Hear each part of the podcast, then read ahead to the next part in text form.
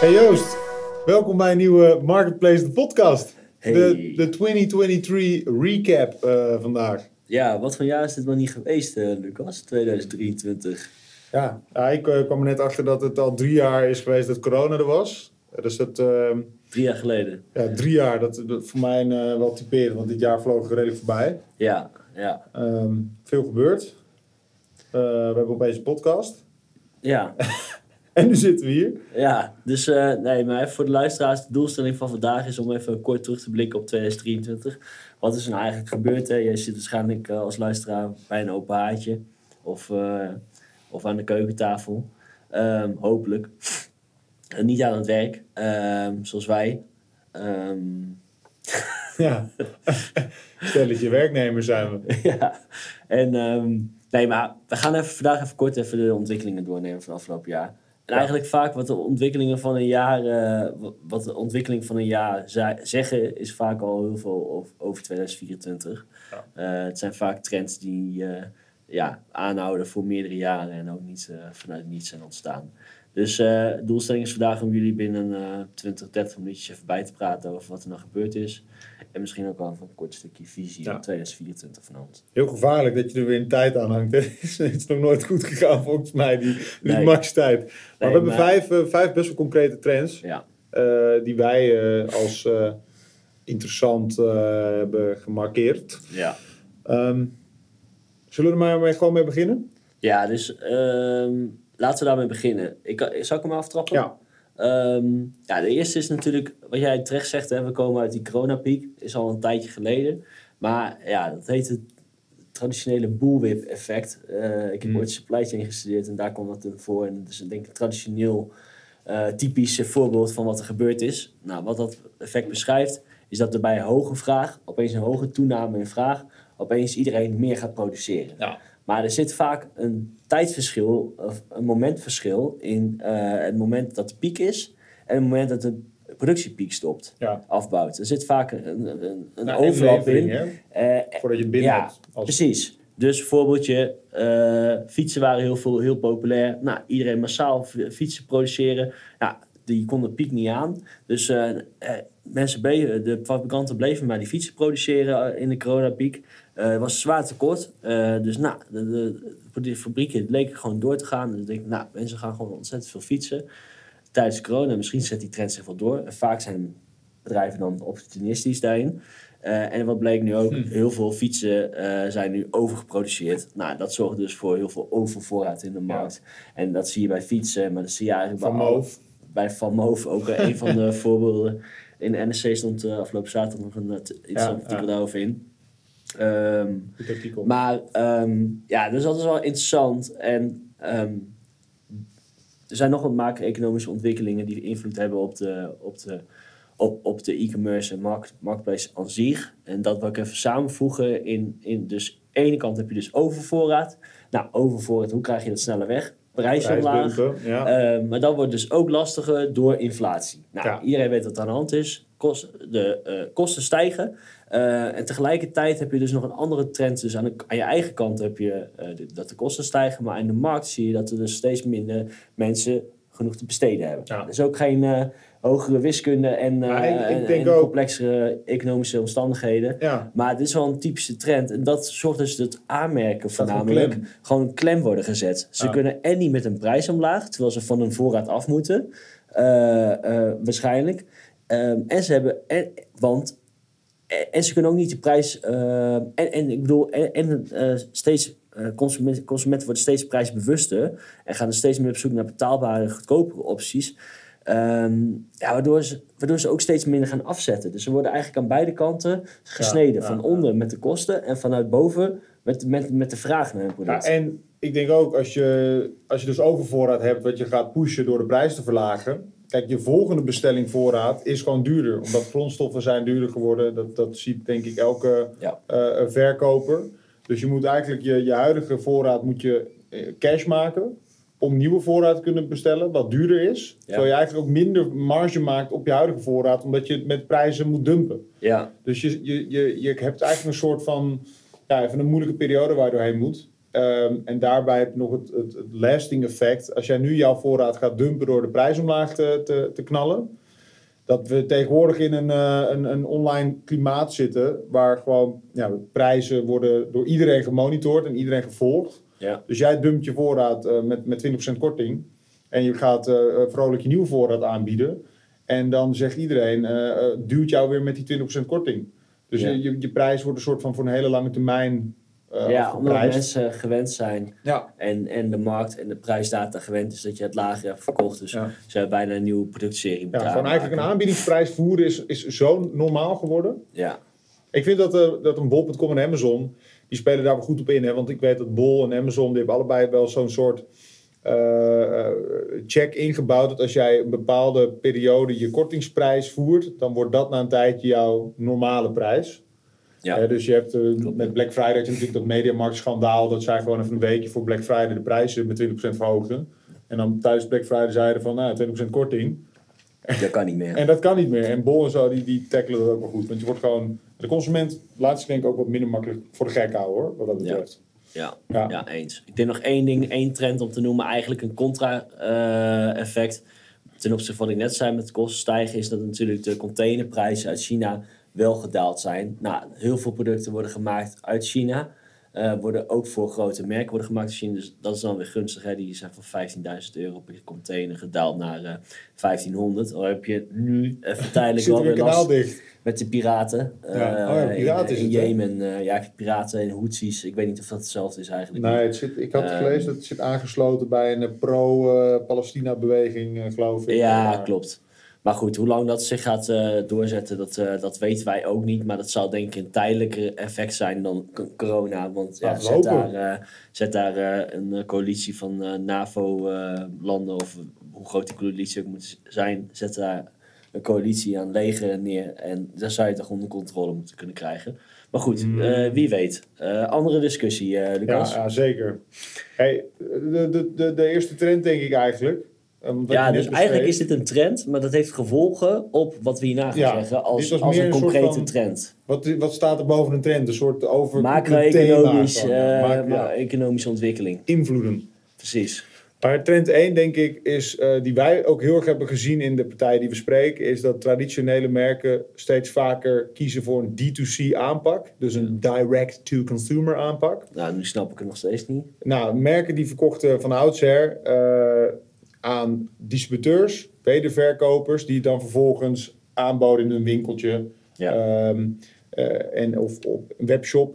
Ja, dus Dus via, een groot via, voorbeeld via, ja, is bijvoorbeeld een plein in het drogisterijen segment. Ja. Dat is gewoon een tussenpartij. Die verkoopt een hele hoop merken. Van Holland Barrett tot eh, Masters Green Soap en alles ertussen. Ja, En die pleins, die zijn dat ook zelf op een bol.com en Amazon gaan aanbieden.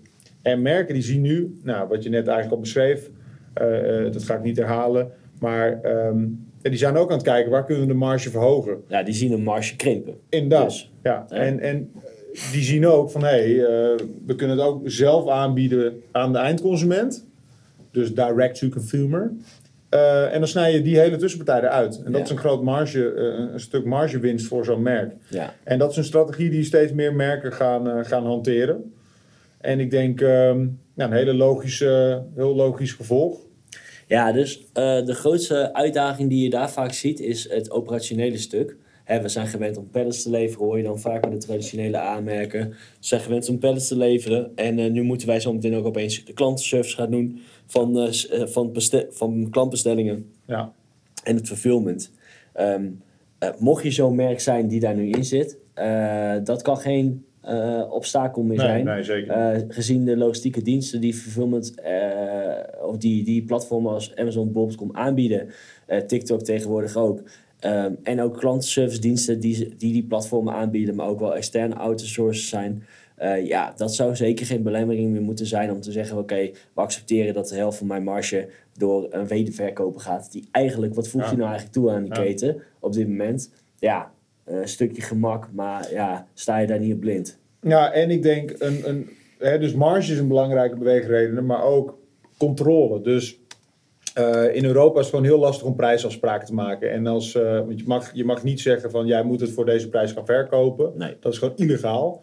Ehm, en en, en zo'n tussenpartij die kan dus zelf gaan stunten met jouw prijzen. Waardoor ze, nou, wat we net al uitlegden, iedereen heeft de price spider, waardoor ze de prijs van jouw producten en uiteindelijk ook jouw merk, want het is natuurlijk ook uh, ja, gewoon een, een waardeperceptie, drukken ze omlaag. Ehm, en door het dus zelf een eindconsument aan te bieden, ben je zelf in controle over je prijzen. En kun je dus ook zelf uh, nou, de, de waardeperceptie van jouw merk uh, ja. omhoog houden. Dus een, een, nou, Fatboy doet dat heel goed. Ja. Dus die hebben best wel consistente prijzen. In een, ja, in een markt waar prijs denk ik het, de, de, de, nummer één, de nummer één stok is om mee te slaan, zeg maar. Um, ja, en ik denk dus, uh, wat we ook zien, wat je net zei, het operationele is een grote bottleneck. En als ze dan eenmaal bezig zijn, dan zien we dat, dat zij opeens ook, de merken ervaren opeens ook hoe complex dat pricinglandschap is geworden eigenlijk. Ja. En als je dus jaren met distributeurs hebt eh, gewerkt, uh, dan komen ze nu ook achter van shit, die prijzen die zijn best wel, dat is best wel complex. En het gaat een hele lange transitie worden om ja, al mijn prijsjes weer op 20 euro te hebben. Uh, waar ze nu op 16, 17, 18, 19,41 staan. Ja.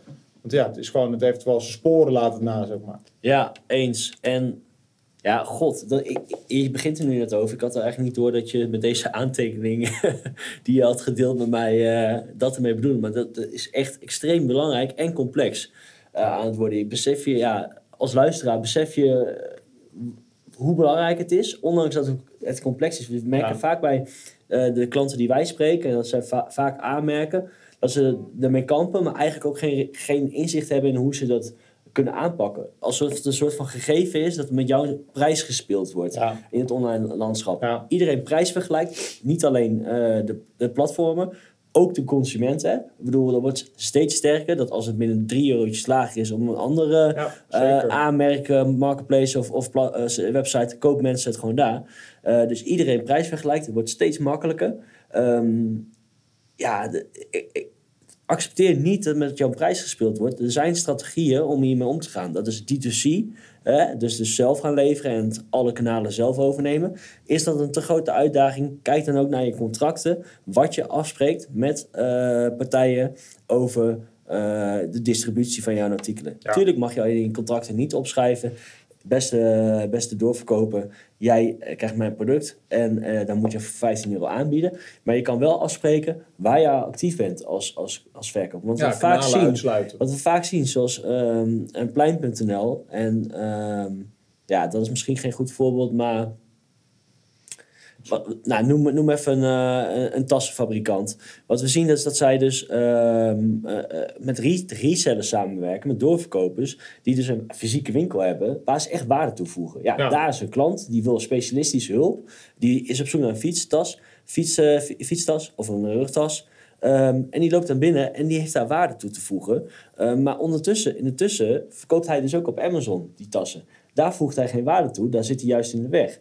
Nou, probeer afspraken te maken met zo'n reseller, zeker voor de toekomst, maar ook heroverweeg die, eh, die, onderhandeling met, met zo'n eh, met zo'n res- reseller over waar, waar die actief is. Ehm, en dat blijven altijd hele gevoelige gesprekken, maar die gesprekken niet aangaan, ja, dat is gewoon niet geschoten, is altijd mis. Eh, Ja. En dat zie je toch al veel gebeuren.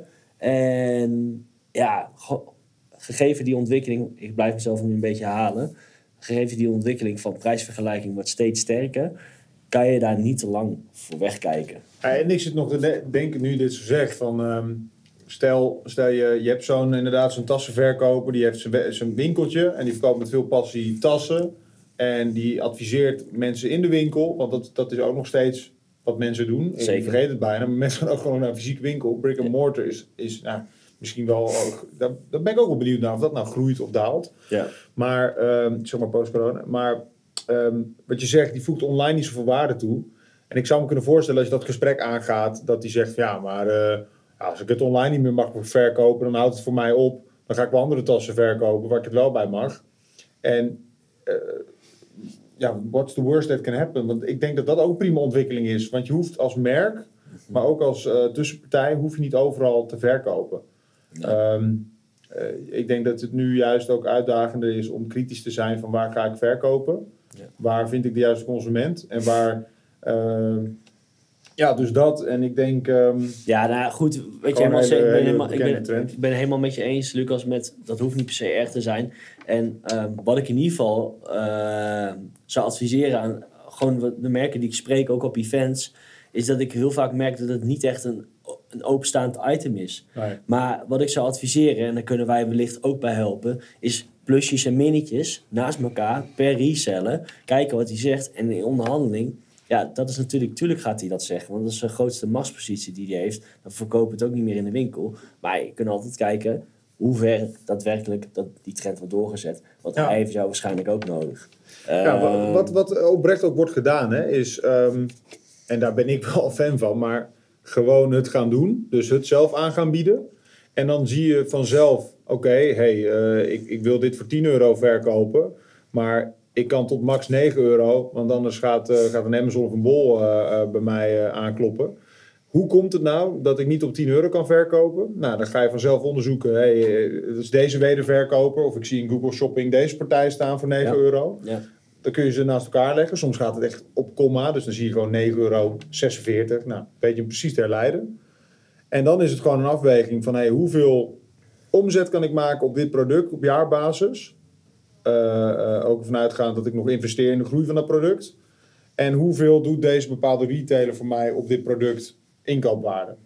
En eh, nou, denk dan ook na over externe dingen die van waarde zijn, zoals klantcontact, je, je, je merk, de waarde van je merk, Ja. et cetera. Ja. Ja, en kies er gewoon voor om misschien eh, te stoppen met partijen eh, die eigenlijk niks toevoegen, maar alleen eh, druk uitoefenen op jouw merk en je prijs. Juist. Eerlijke, eerlijke business cases Ja. dus maken. Ik denk super positieve trend ook voor de consument. Ja, dus misschien moeten we dan even een trend naar voren halen. We hadden net eventjes voor de luisteraars die ons helemaal kwijt zijn geraakt. We Ja. waren net de D2C, hè? dus eh, de merken gaan eh, meer direct-to-consumer rechtstreeks eh, verkopen. Ja, dat is trend Eh, 1. dat is trend 1. Boom. Eh, boom, die staat. Het is trend 2, die wil ik even naar voren halen, Lucas. Eh, dat is onze laatste trend. Maar eigenlijk gestegen kosten maakt winst is key, zeggen we. Nou, Ja. wat, wat bedoel ik daarmee? Ehm, is ook dat zien we massaal in gesprekken met onze klanten, maar ook met, onze, eh, met de mensen die we spreken op events. Ehm, winst is het meest belangrijke op dit moment om te overleven. Je wordt nu in, geld is niet meer gratis. Eh, eh, alles staat onder druk, ook de rente, maar ook de, de, de, de, de winstmarges. Ehm, eh, eerst de omzet, dan zien we de winst later wel. Ja, dat was een, hè, een, een strategie Ja. in coronatijd. Nou, dat is helemaal terecht omgedraaid naar... wij moeten ons personeel betalen. En ik wil zelf Ja. ook nog een boterham kunnen verdienen. Dus, en mijn aandeelhouder misschien ook. Dus we trekken dat winst naar voren. Ehm, wat ik daar nou over wil zeggen is dus... winst is super belangrijk. Nou, wat betekent dat? Dat je inzicht moet krijgen in winst. Daar hebben we het ook al eens keer gehad op een ander event. Daar gaan we het eh, in januari ook weer hebben op de Webwinkelvakdagen. webwinkel vakdagen. Gratis volgens mij zelfs. Gratis, eh, gratis zijn we erbij. En gratis geven we niet alleen dit inzicht eh, wat ik je nu ga vertellen, maar ook natuurlijk Het hele ja, pakket gewoon. het hele pakket aan, actie, aan actiepunten. Maar door, doordat je. Wat, mij dus verbaast, hè, we hebben het nu over marketplaces, dat winst dus belangrijk is. En ik denk dat iedereen in, in, in die zaal waar wij het gaven, nu moet Ja, die was het meest. die was daar mee eens. Dus nu moeten we de opening ook even aanpassen. Maar, bedenk maar die was daar mee eens. Maar hoe weinig verkopers eigenlijk inzicht hebben in hun punt, komma, Ja. eh, winstmarge. Ja, dat kan gewoon niet. Nee. En ehm, je moet inzicht krijgen in je winst. En, en, en dat is dit jaar pijnlijk duidelijk geworden. En ook pijnlijk duidelijk geworden als je dat niet hebt. Want dan, echt, dan zie je dat het aan alle kanten bloedt. Je Ja. moet wel je patiënt Ja, kennen. Ja, ja, Ehm, zoals jij inderdaad mooi zegt, de patiënt moet gezond zijn. Ja. En dan kan je hem volwassen laten maken. Ja, je kan niet ja, dan met kan je een een marathon mee rennen. Precies. En dan kan je kan niet eh, de, de, de boksring in met, met, met, met, met, een- met, Met een een, patiënt die eh, aan alle kanten iets-. Ja, zonder arm of eigenlijk nog erger, een patiënt die gewoon niet, die, die, die niet in staat is om te boksen, maar je Nee, weet niet wat het probleem is. nee. Ehm, Ja, en wat grappig is, is en dat, dat zag ik dus oprecht. Eh, ik, ik- het klinkt heel hipster wat ik nu ga zeggen. Maar ik weet ook dat dat het eerste eh, significante project eh, was wat ik had gedaan bij mijn, een van mijn eerste marketplace jobs. Was gewoon ook zo'n winstanalyse maken. ja, En conclusie, joh, je moet gewoon 80% van het assortiment dat je nu voert offline halen. Ja. En dan stijgt je winst. En ehm, dat is nu grappig genoeg, maar ook eh, eh, jammer genoeg. eh, nog steeds eigenlijk de meest voorkomende oplossing voor tegenvallende winst. Gewoon al, je, je verkoopt gewoon te veel. En zeker als je een heel breed assortiment hebt, de, de Ja. strategie, nou wat je zei in corona, alles online zetten, Ja. bam, verkopen. Maar nu komen, komen mensen gewoon kaart van terug. Want eh, ja, er gaat gewoon zo'n groot deel met verlies naar de klant. Ja, Want je moet retourtjes, eh nou goed, we gaan er niet al die Nee. kosten doornemen nu, maar goed. ik wou, daar, ik wou er nog één ding over zeggen over winst. En eh, nou, dat, dat heeft niet per se te maken met inzicht in winst. Ja, ook wel. Dus inzicht in winst op productniveau, op, op elke eh, aanroepbare periode, tijds, tijds, tijdsperiode Ja. moet, je, moet je kunnen hebben. Is lastig, maar steek daar tijd in. En anders vraag, vraag, vraag ons. Stel een Eh, hulpvraag. stel de hulpvraag. Ehm, maar wat ik ook nog wil zeggen, en dat is ook iets wat mij eh, opvalt, en waar ik ook gewoon gepassioneerd over ben, is duidelijke en eerlijke business cases maken. Ehm, alles wat jij nu aan kosten uitgeeft, moet jij dus nu onder de loep nemen. Nou, dat doen ze ook echt wel. Dat geloof ik ook echt. En ik, ik, ik, hier niet dat ik hier de slimste van de klas ben. Ehm, ik denk dat heel veel mensen dat wel goed doen. Maar wat ik gewoon heel vaak zie, en dat is gewoon zonde, is dat eh, bijvoorbeeld eh verfilmdiensten van Amazon en Bob.com eh, als, als voorbeeld, als schoolvoorbeeld, niet goed vergeleken worden met de diensten, met, met hun eigen kosten. Ja. Dus er wordt al vaak gekeken, ja, Bob.com kost 5 euro, LVB. Of eh, VVB, verzenden via Bob.com, maakt niet uit. En, eh, en als ik het zelf verzend, eh, ja, kost mijn DPD of eh PostNL label kost 4,50. Dus Bob.com is duurder. En dan moet ik ook nog aanleveren. Maar daar neem je niet mee. De Ja, omzetgroei je die je bedoelt gewoon dat het eurotje om het eurotje wordt vergeleken. ja, dat je, de customer service Ja. die wordt weggenomen. Nou, je moet eerlijke business case maken en op elk gebied. Maar ik zie dat en een- zuiveren. de niet kwantificeerbare kosten eigenlijk. Ja. Dus wat, wat ik daarmee bedoel is niet kwantificeerbaar is het, het eh, conversievoordeel wat LVB je oplevert. Of het, ehm, het, het, het, het, het, het- de Afname. interne rust die het je geeft als je klantenservice niet zelf hoeft te doen. ja, en ook Dat zijn kosten. Ja, dingen die je niet kunt kwantificeren eh, van een euro tegen een euro. Ja, je kunt het proberen, maar dan wordt het warrig. Maar je moet je wel meenemen. Moet je zeker meenemen. Je moet er inschatting van maken. En dan ga je zien eh, wat winstgevend is. En dan kan het nog steeds zijn dat je zelf hartstikke lekker bezig bent. Maar ja, ga het doen. Want wat je be- beter kan doen is ja, is een, een dooddoener weer. Dus je kan beter die patiënt gezond maken. En dan kan je met die patiënt gaan groeien. En zorgen dat hij een grote volwassen jongen wordt. In plaats van dat je, dat je vergeet hem op te voeden. En daarna Ja. naar- op de arbeidsmarkt zet. Ja. Ja, dat wordt niks. Ondervoede patiënt. Ja. Precies. Oké, dus door. Ja. Hey, dat was nummer, eh, nummer twee, denk ik, trend. Dus gestegen kosten, waardoor winst nog belangrijker is. Ja. Eh, nummer drie ehm, is denk ik ehm, ook, ook, ja, ook wel iets wat in de kranten tegenwoordig ook wordt uitbelicht. Maar de, de, de search van, de, van onze ehm, ja, ooster, ooster, ooster, oosterburen. Eh, eh, steeds meer Chinese fabrikanten die gaan hier gewoon rechtstreeks verkopen. Dus eh, in het kledingsegment heb je Shein. S Doen we dat shine. Maar, ja, omdat het is schijn-. Nou ja, volgens mij, ik dacht Shein. Ah. Maar, eh, klinkt, klinkt, klinkt beter. Klinkt beter. S-H-E-I-N. Ja. Die echt voor, nou, ik heb wel eens ergens een, een of ander bizar stuk data gezien dat zij echt elke drie minuten een nieuwe kledinglijn droppen, weet je wel. Ja. Maar gewoon kan niet uit. Wordt voor 3 euro per of heb je een shirt, weet je wel. Ja. Onge- ongekend. ja, ik word er heel droevig van, maar goed. Temu als, Ja. als een soort van massa consumenten eh, marketplace. En ja, dat is een, ehm, een trend. Nu, eh, kijk, we kennen al heel lang AliExpress en Alibaba. Eh, Alibaba is gewoon een, een, echt een, ja, een webshop voor, B2B. voor inkopers. Waar Ja. je gewoon eh, kunt, leveranciers kunt vinden. En AliExpress is al heel lang het, het consumentenbroertje ervan. Ja. En ja, wat ik heel erg hoop, is dat deze trend snel weer gaat liggen. Want het is allemaal echt gewoon rommel. Het is, ehm, ja, het is echt een massa, eh, massa consumeren. Allemaal goedkope Ja, troep wordt met- aangeboden. Dat ben ik niet met je eens. Maar, dus ik hoop dat die trend snel gaat liggen. Maar ik Ja, hoop wel dat het, wat het ons nu leert, is eh, voor verkopers dat je waarde moet toevoegen. En dat al die, die, die charlatans die gewoon eh, dingen in China voor een euro inkopen en het hier voor 30 euro verkopen, dat die verdwijnen. Omdat wij als consument hiervan leren van hé, hey, ik kan het ook rechtstreeks daar inkopen. Ja. En dan hoef ik niet die 29 euro meer te betalen. Eh, dat we dat leren. En dat dat er ook voor zorgt dat merken dus gaan echt wel kritisch naar zichzelf gaan, uh, gaan kijken. Van hey, welke waarde voeg ik eigenlijk toe?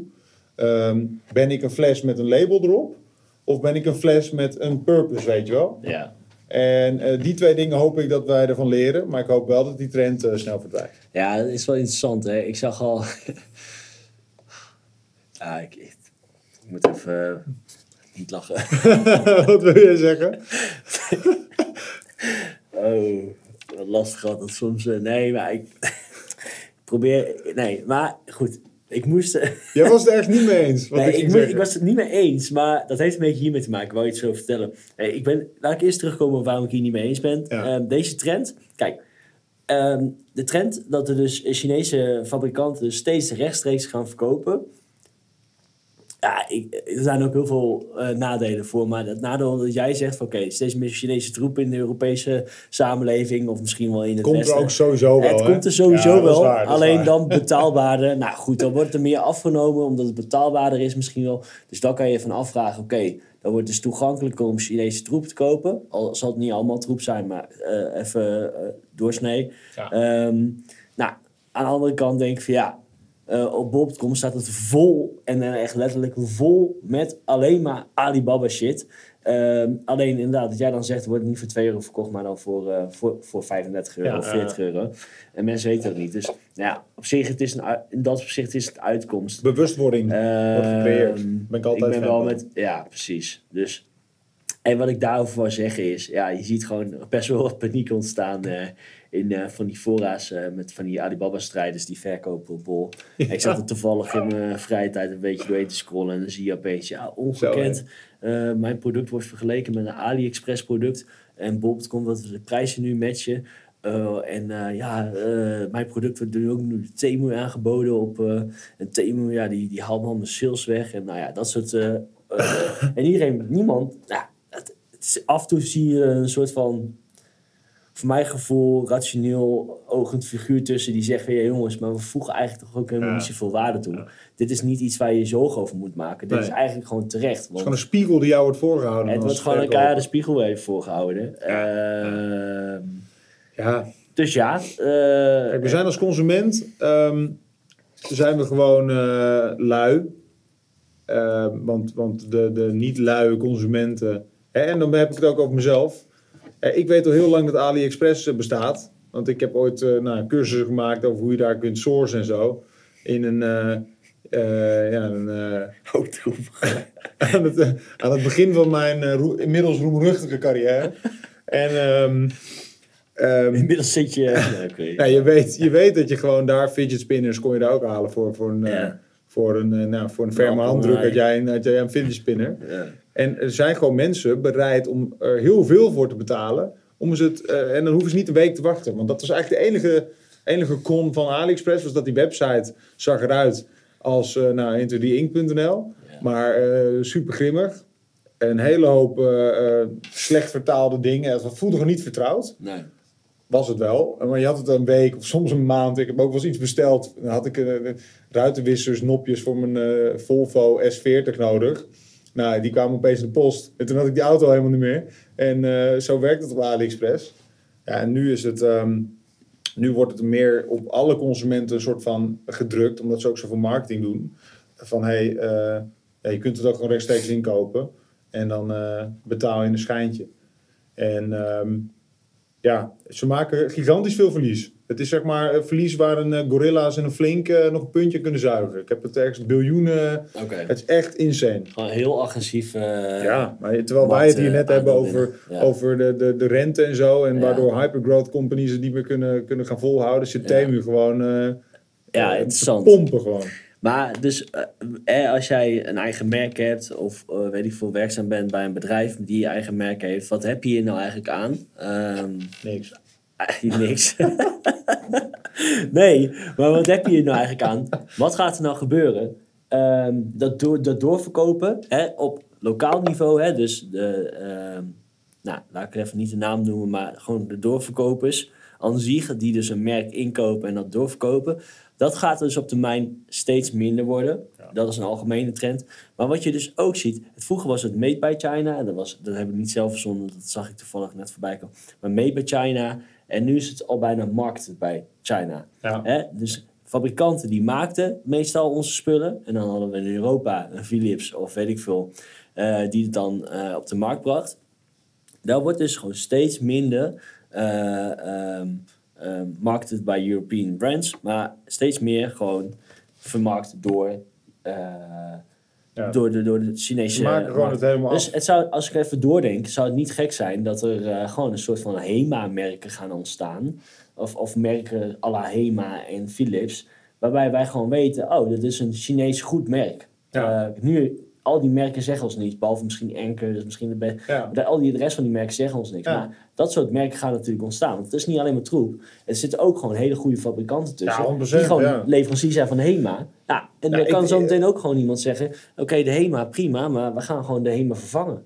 Met, en, dan, en dan gewoon niet 3 euro voor een handdoek, maar 1 euro. En dan heb je dezelfde kwaliteit. En dat het wordt pas echt gevaarlijk. Wat zet de boel op zijn kop? Het wordt pas echt gevaarlijk wanneer zij ook eh, echt marketingbeesten worden, weet je wel. Want Ja. dat is eigenlijk wat, wat het nu zo'n Philips eh, eraan toevoegt, is de marketing en het alles eromheen. Weet je wel, de UX van zo'n van een, een slim led- ledverlichting lamp app. Ja.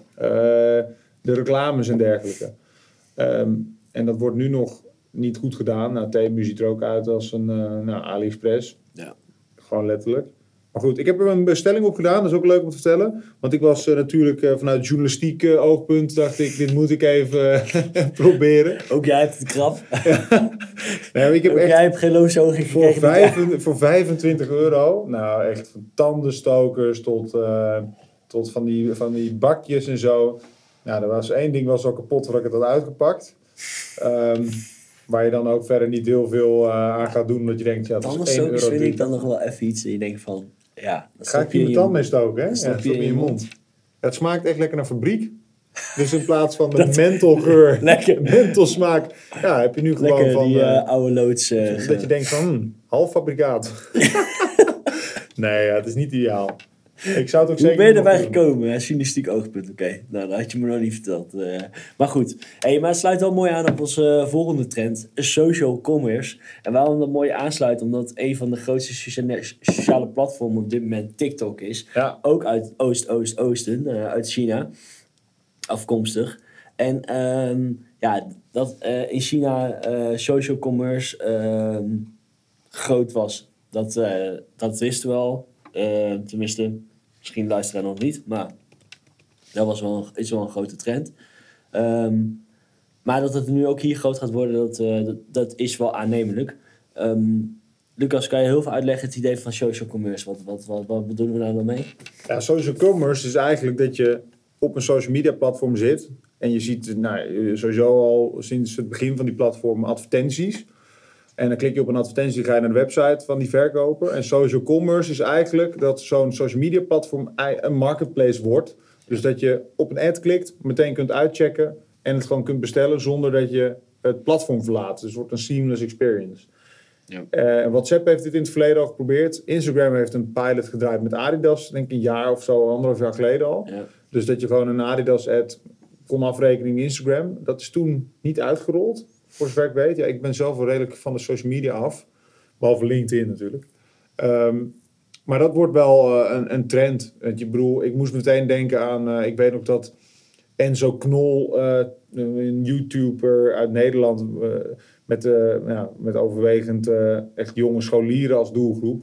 dat die Capri Sunnetjes in zijn video had. En dan steeds zo met het logootje naar, naar de klant toe, naar de kijker toe.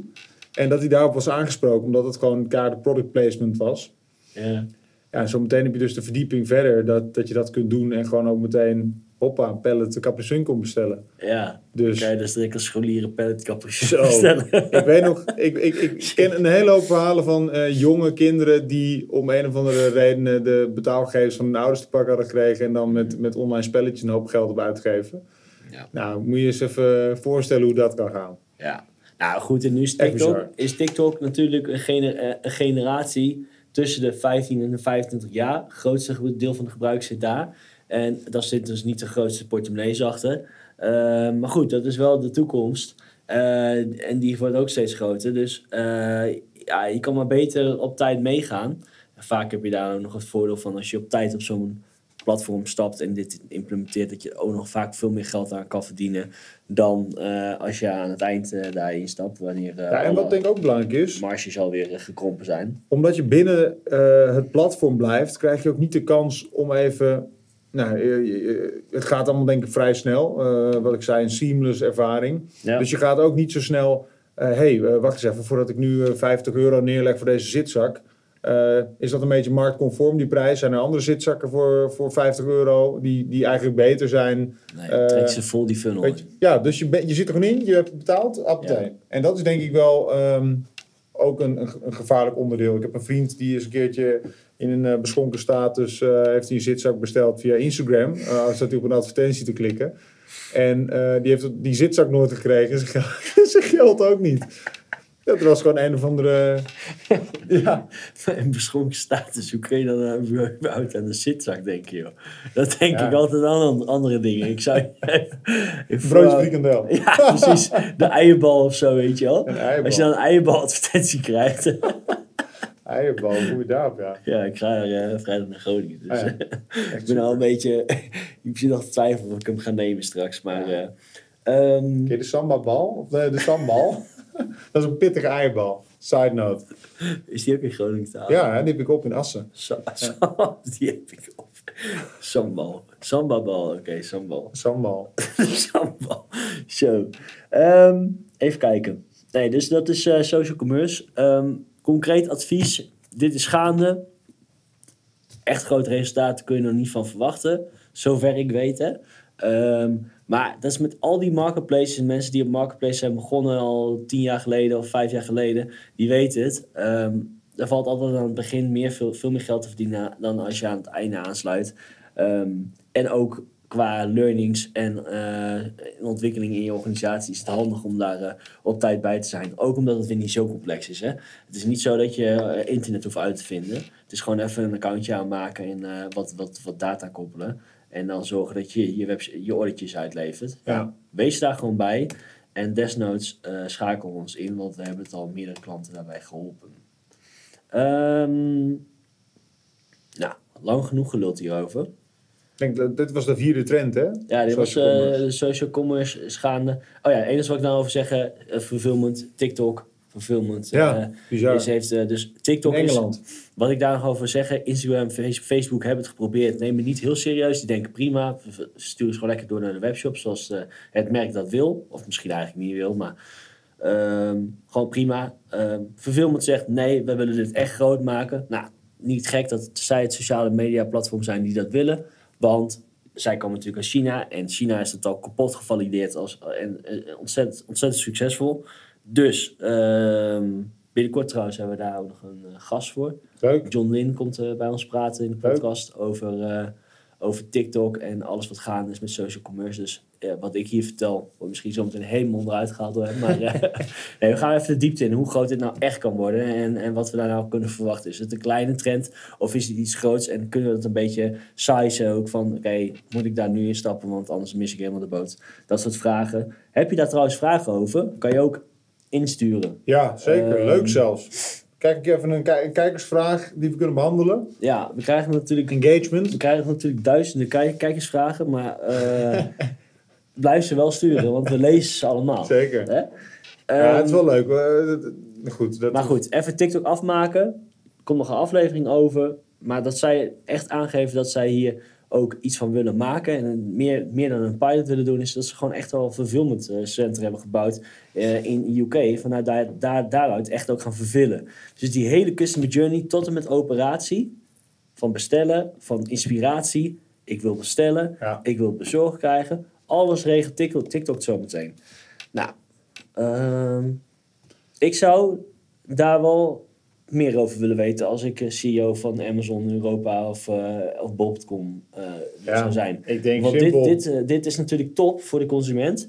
Maar je gaat ook niet de valt rechtstreeks het marktaandeel aan van, van deze platform. Maar je gaat ook niet een fulfillment center openen als je nog niet het idee hebt van dit gaat. Het is niet even een Ah, weet je, dan investeren we even in een fulfillment center in Engeland. Ja. Om het even te testen. Nee. Zij zullen echt wel weten wat ze daarmee doen. Lijkt mij. ja. Want anders was er ook al lang een eh, Nederlandse fulfillment center van Amazon. Ja, en first move advantage. Hè? Ja. De- je bent er als eerste mee, mee bezig. Ja. Eh, ja, You snooze, you lose, eh, is eigenlijk wat je zegt. interessant, interessant, interessant. Ehm, retail media, volgende, die komt vanuit jou. eh. Ja, nee, eh, retail media. Ik, ehm, wat wil je daarmee zeggen, überhaupt? Ja, Dat- ook een dat is een trend. ja, ook een buzzword. Ja, Ehm, dat ik het even- gewoon lekker klinkt. Ja, retail media. Onze luisteraars zijn al echt al lang afgehaakt, jongen. Zoveel containerbegrippen. ja, retail media is marketing to consumers at or near the point of purchase. En dat is denk ik een hele belangrijke. Dus gewoon retail media, ja, media waar de consument een eh, koopbehoefte uit. eh, de koopbehoefte van de consument tot uiting komt, anders gezegd. Dus eh, wat ik ermee wil zeggen is dat er eigenlijk steeds meer platformen ehm, die, die ja, de traditionele retailers ook eh, zeker in, die de deuren opent voor externe eh, partijen om hun media in te kopen. Dus een HEMA, een Kruidvat, ehm, eh, een Albertijn, een Jumbo. Je kunt daar nu als verkoper ook eh, ja, ja, media inkopen. Dus Ja, maar dat banners, snap ik dus niet. advertenties. Eh, ik be- be- be- onze oma's moeten het ook kunnen Ja. begrijpen. Eh, wat, wat, Ken je het begrip endemic versus non-endemic? Hè? Wat zei je? Endemic eh, en non-endemic. Endemic, ken je dat? Ik ga nog meer moeilijker worden Ja, nee, want eh, ik- mensen begrijpen het allemaal. Ja, wa- eh, wat is niet duidelijk? Ja, wat, wat bedoel je nou, media inkopen? Ja, dus je, je zit Gaat op een website. gaat Bob.com video's maken? Ja, ik, ik snap ik je- weet wel wat je je, zit op een website en je hebt allerlei-. Banners, eh, plaatjes, Ja, eh, maar ook bijvoorbeeld gewoon eh, producten die je kunt zien. En een deel daarvan is adver- geadverteerd. Ja. Dus dat zijn betaalde plekken. Ja. Dus eh, een heel simpel voorbeeld, als je op Albertijn zit, je kunt ehm, online bestellen. Dan komen ze thuis leveren. ja, Als jij zoekt op de appelmoes, dan zie je waarschijnlijk bovenaan staan hak appelmoes, eh AH appelmoes. Je kunt dus eh, als ehm, appelmoes Startup BV, kun je daar ook die ruimte inkopen, waardoor jij dus boven hak komt te staan. Met een betaalde met een, plek, zeg maar. ja, ja, precies. Dus dat is... eh, Een soort van, ja, een soort van ja, dus bij, het voetbalveld heb je altijd van die sponsorborden staan. Ja. En je koopt gewoon een sponsorbord op een website. ja. Ja, nou. Het is eigenlijk, eh, ik heb hier even, ik, ik zit even en de wat is, wat is de trend? Dat wordt steeds groter dus. Ja, eh, retail media is het adverteren op websites van retailers. Ja, En die kunnen dus op verschillende plaatsen worden getoond. Maar wat je zegt, ehm, kijk, Hema is natuurlijk, eh, die hebben een eigen webshop al heel lang. Maar daarmee hebben ze dus nu hun betaalde posities beschikbaar gemaakt voor andere partijen. Ehm, en het verschil, je hebt endemic en non-endemic verkopers. En dat is een heel moeilijk woord, maar endemic betekent zoiets als dat je kunt dat je jouw product waarmee je adverteert ook kunt, ver, kunt kopen op dat platform. En non-endemic is dus dat je wordt geredirect naar de verkoper, dat het op een andere website is. ja precies. Dus als je op TikTok, TikTok eh, shopping hebt, wat we net zeiden, Ja. dat is endemic. Want je Ja. kunt gewoon lekker betalen op het platform. Maar dit is een trend, want er zijn, ehm, ik las een, eh, een blog op LinkedIn van eh, de heer Quint. En ehm, die heeft het mooi opgezomd. Er zijn dus in 2023 al tien bedrijven geweest die eh ja, retail media hebben toegevoegd aan hun businessmodel. Onder Hema en Kruidvat. En ik denk in het verlengde daarvan heb je natuurlijk ook een hoop bedrijven die een marketplace worden. Dus die gaan nog een stapje verder. Die, die zeggen niet alleen je mag adverteren op mijn platform, maar je mag ook gewoon verkopen op mijn platform. Ja, Ehm, en ik denk, ja, dus, dus dat is niet per se retail media, maar ik denk wel onderdeel van die trend. ja. Ehm, Het steeds meer openstellen van jouw ja, website, webpagina voor externe partijen. ja, wel- monetizen van het verkeer wat jij hebt opgebouwd in de jaren. Ja, Want het zijn eigenlijk gewoon de, ja, de grote spelers in Jij het hebt eh, klantverkeer en eh, kom er maar bij. Ja. En wij maken een verdienmodel voor jou. En Ja. jij, jij hebt een verdienmodel voor jezelf. En ik denk dat dat ook weer mooi samenvalt met waar we de, de, de aflevering mee begonnen hebben, met die macro-economische trends. Kijk, eh, dat is ook een onderdeel van de duurder worden, het duurder worden van het leven, is dat je ook gaat kijken naar andere inkomstenstromen. Ja. En verkeer is gewoon geld waard. En dat ziet dus ook een HEMA, die ik niet zo snel ook een marketplace zie worden. Ehm, eh, en een, en een, eh, een, een, een Albertijn en dergelijke, die zien dat ook. Dus die, ehm, ja, ik denk dat het een, een gevolg van deze trend wordt ook dat het, het hele online, ja, het wordt echt omnichannel. Het was het eigenlijk, eh, het was natuurlijk al omnichannel, dus je verkoopt altijd op heel veel kanalen. Ja. En dat het een, ehm, ja, dat je echt wel expertise nodig gaat hebben om jezelf te manoeuvreren door al die kanalen. Met alle pricing, dingetjes die erbij komen, alle verschillende backends, hè, het, het, het, het inkopen van media, het, eh, het adverteren op bepaalde kanalen. Het wordt Ja. allemaal een stuk complexer. Ja, dus ja, backend inrichten, dataopborden hebben we allemaal belangrijke. En nu zijn we eigenlijk wel uitgeluld, eh, denk ik, Ja. eh, Lucas. Het enige wat ik hier nog bedacht is eigenlijk een subtrend die we nu niet bij de top 5 trends hebben gezet, maar de algemene globalisering van de wereldeconomie. Zo, Eh, en dus ook de, dus de wereldeconomie was natuurlijk al lang in zeg maar, een globalisatiefase eh, 5.0. Ehm, maar dat nu ook daadwerkelijk eh, merken eh, dus niet overal kunnen sourcen, overal kunnen inkopen. Al, een half fabrikaat uit India, de andere half fabrikaat uit Brazilië en de andere. En we laten het inpakken in Nepal en daarna doen we het, eh, doen we het eind inpakken doen we in, eh in eh Brazil, Belize. Belize. Belize. Eh, weet ik veel wat voor constructies je allemaal niet kan bedenken en dat nog steeds eh, goede prijzen oplevert. Maar je ziet dus aan de achterkant dat het al heel ver doorgetrokken is. Maar je ziet nu aan de voorkant ook dat je eh, steeds makkelijker over heel de wereld kan gaan verkopen aan de eindconsument. Dus vroeger had jij misschien, eh, zeker als opkomend merk, nou, ik doe eerst Nederland, dan, dan misschien België erbij. Nou, dan voorzichtig eens even naar Duitsland. Maar nu kan je gewoon binnen een jaar, in heel, kan je binnen een jaar in heel, heel Europa verkopen. Ja. En als je twee jaar bezig bent, en het ligt maar net hoeveel gas je erop geeft, eh, kan jij eh, ook in de States en in eh, Latijns-Amerika verkopen. En dus de belemmerde factor is natuurlijk op dit moment logistiek. Je moet Ja. er allemaal logistiek inregelen. Ehm, ja, Ja, ik denk het zijn er gewoon, je kan globaal, je kan wereldwijd kan je verkopen met je, met je merk of wat je dan ook hebt. Maar je kan ook nog eh, op meerdere marketplaces, meerdere plekken verkopen. Dus zowel binnen eh, Europa heb je steeds meer kanalen. Ehm, ook steeds, maar je kan ook steeds verder wegkijken. Dus je, ja, je ziet Ja. eigenlijk steeds meer Ik weet nog, eh, ik heb een heel mooi voorbeeld hiervan. en die reiken steeds verder. Eh, eh, over volgens mij stroopwafelmerk Daalmans. Ik heb toen ooit een eh, lezing van hem bijgewoond op de Cross Border eh, event. Heb ik dit al eerder gezegd in deze podcast? Nee, nee, nee. Maar ik, niks ik, heb, ik, heb, ik heb hem ook een keer gesproken. Ja, nou, super vet. Ja. Zij zijn er dus ook achter gekomen, wat je zei. Zij begonnen eh, mede door een Amazon, waar je gewoon, eh, hè, dat is super schaalbaar. Nou, daar hebben we het thuis een keer over gehad. Maar die zijn er ook achter gekomen dat de stroopwafel, eh, Nederlands begrip, dat kennen ze gewoon niet in het buitenland. Maar dat het in ehm, Italië bij de koffie, eh, eh, echt dus bij het ontbijt, bij het koffietje. Italië is dan een koffieland, wordt het stroopwafeltje eh, genoten. In Amerika is het een eh, soort gym snack. Dus voor een snelle suikerboost in de gym. Dus daar lag het. Daar hebben ze van geleerd eh, eh, dat het een gym snack was. Dus daar hebben ze ook eh, hun marketing in Amerika op aangepast. Hè. Dat was het eh, volgens mij eh, bij de McDonald's een McFlurry smaak. Toen heeft eh, American Airlines het opgenomen als vliegtuigsnack.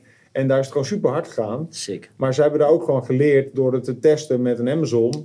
ehm, van hey, hoe, hoe verkoopt dit product hier überhaupt? En eh, wat kunnen we ervan leren? Wat is er anders? Ja. En die liggen daar dus bij de kassa. Terwijl bij Italië is veel meer een soort van koffie. Ah, dat vind ik ook wel een goede tip dan voor jou. Als je dan die tips samenvat van ja, oké, je kan overal verkopen, maar hoe valideer je dat nou? Zeker hoe, hoe valideer je landen, Ja, eh, eh, verschillende type landen. Ja, op een laagdrempelige manier en dan is Amazon wel echt een uitkomst. ja, zeker. Hey, samenvattend, want dan breien we er een eind aan.